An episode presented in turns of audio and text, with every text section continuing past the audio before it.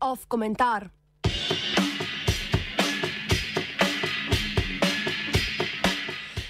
Oče naš, ki si tu zemski, prosimo te, odreši nas.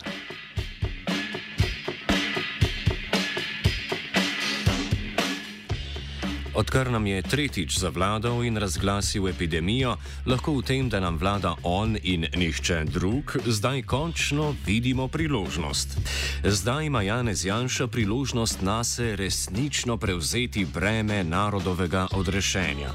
Čisto za res, tu zgodbice za otroke, ki ne ločijo pučnika od drnovška ali kučana, ne veljajo več. Zdaj je tu priložnost, da si ne dene krono iz trnja, z njo pa narod vodi skozi križev pot bolečih rok.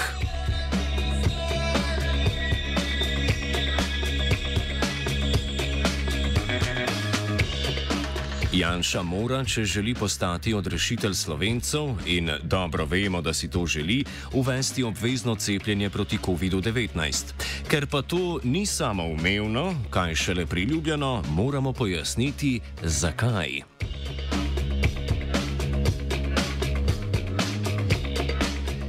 Cepljenje je in mora biti večinski projekt. Ne le projekt običajne volilne večine, ampak kar vse državljanski, celo vse človeški projekt. To je cepljenje po definiciji. Vse napore javnih strokovnjakov, da bi bistvo projekta cepljenja zavili v šmek darilni papir, lahko zelo preprosto ekspliciramo v starem organicističnem jeziku. Nobenega smotra ni v tem, da bi le del organizma družbe ohranili, ostalega pa pustili odmiranju. Ko celota organizma ne bo zdrava, tudi del te celote ne more biti zdrav. Del brez celote namreč ne more obstati, prav kakor celota brez vseh svojih delov ne. To je vse. Nič več in nič manj vsebine ni v projektu cepljenja.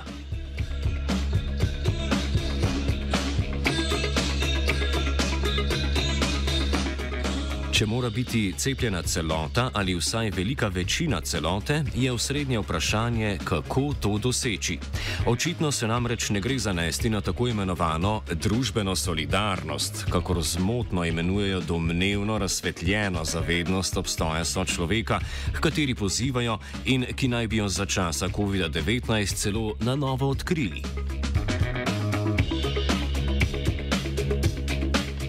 Tako je denimo sodelavec Ivan Koruza še pred slabega pol leta v rubriki, ki jo pravkar poslušate, zatrjeval, da je leto 2020 podčrtala že dolgo nevidena stopnja medčloveške solidarnosti in družbenega žrtvovanja. V podporo trditvi je navedel nekaj primerov. Citiramo: Od medgeneracijske solidarnosti mladih, ki so delček svoje mladosti podarili v zameno za varnost svojih starih staršev, do požrtvovalnih zdravstvenih delavcev ter do učiteljev in staršev, ki so skrbeli za to, da so otroci lahko čim bolj normalno napredovali. Ne na zadnje nam mora upanje v prihodnost nazaj uliti tudi navdušenje otrok ob vrnitvi v šolo, pri čemer o pregovorni naveličanosti in letargični prisotnosti sili do šolanja, ni niti duha, ne sluha.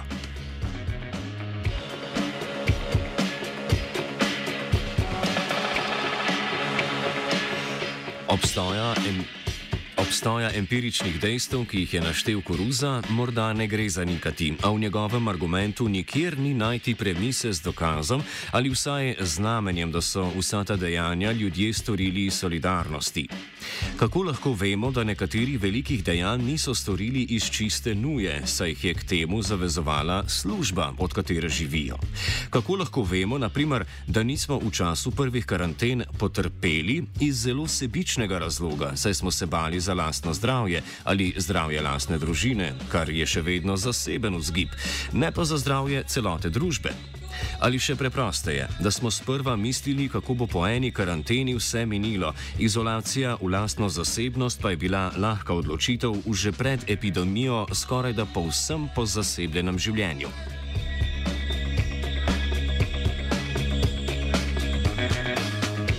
Vse to so špekulacije, enakovredne trditvi, da so ljudje med epidemijo vse dobro počeli zaradi solidarnosti. Gotovo pa je eno, če tudi se je solidarnost morda med prvo karanteno za kratek čas pojavila, danes kot večinska drža ljudi ne obstaja. In empiričen dokaz je dovolj samo en: cepiti se je šla le polovica odraslih oseb. Solidarnost, ki je ima zadnje čase polna usta, predvsem ministr za zdravje Janez Poklukar, pri velikem delu prebivalstva nad vsemi drugimi utemeljenimi ali neutemeljenimi razlogi ni prevagala. Prav zato, ker je cepljenje projekt, na katerega morajo pristati vsi ali skoraj vsi, solidarnost pri njem odpove. Pravo solidarnost so vedno aktivno udejanjali tisti na robovih ali izven družbe, ne pa večina.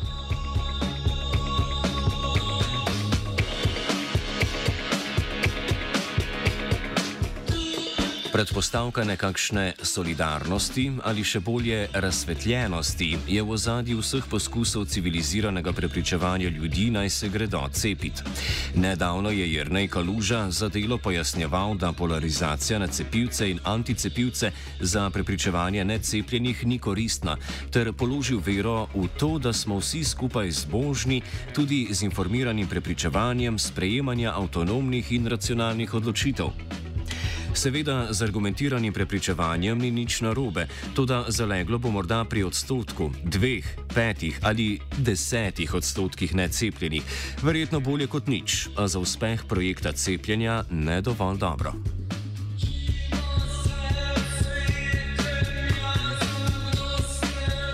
Kaluža pri zagovoru racionalne prepričevalne metode izhaja iz podmene, da so mnogi dvomi v cepiva ali razloge za cepljenje upravičeni in racionalni, zato pa jih je možno na racionalen način tudi preseči v korist skupnega cilja. Prvi problem tega je, da cepljenje očitno ni prepoznano kot skupen cilj, kakršnokoli prepričevanje tistih, ki nasprotujejo temu, da bi projekt cepljenja sploh postal skupen cilj, pa je obsojeno na propad. Ne drži namreč, kakor trdi Kaluža, da bi skupni problem necepljenih težko detektirali. Skupni problem, ki ne velja le za necepljene, je ugrajenost dvoma v moderno racionalnost samo. Še več, dvom racionalnost poganja.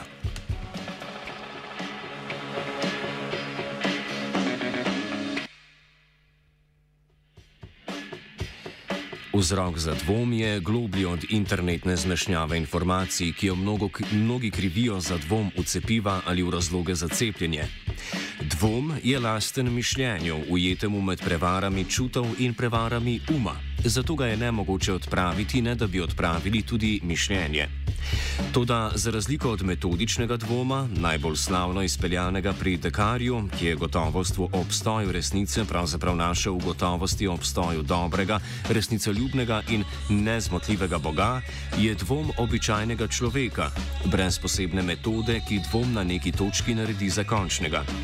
Ker običajen dvom ne pozna pravil igre, zemljevida poti, ki bi jih moral prehoditi, da bi prišel do sklepa, z lahkoto postane absoluten. Tako da nimo niti stržka ne moremo odgovoriti na vprašanje, zakaj se cepiti. Saj dvom, ki ne pozna meja, ne priznava niti obstoja polja izrekanja resnice, na katerem bi bilo možno iskati pravilne odgovore.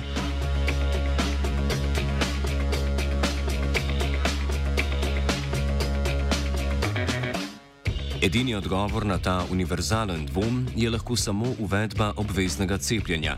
Ne zaradi tega, da bi tiste, ki se ne želijo cepiti, prisilili v nekaj, kar je nasprotno njihovi volji, ampak preprosto zato, ker bi edino neposredna izkušnja cepljenja, otipljiv in neiznakažen dokaz, lahko kljubovala univerzalnosti dvoma.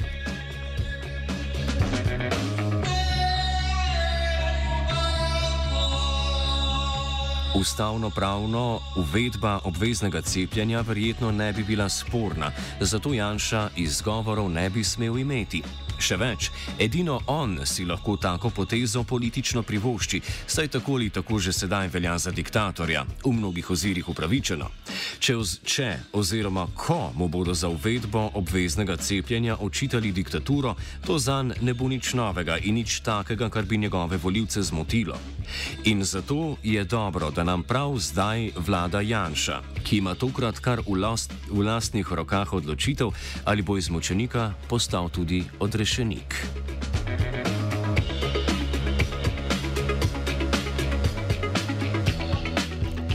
Moral bi napihovati, a je le komentiral Martin.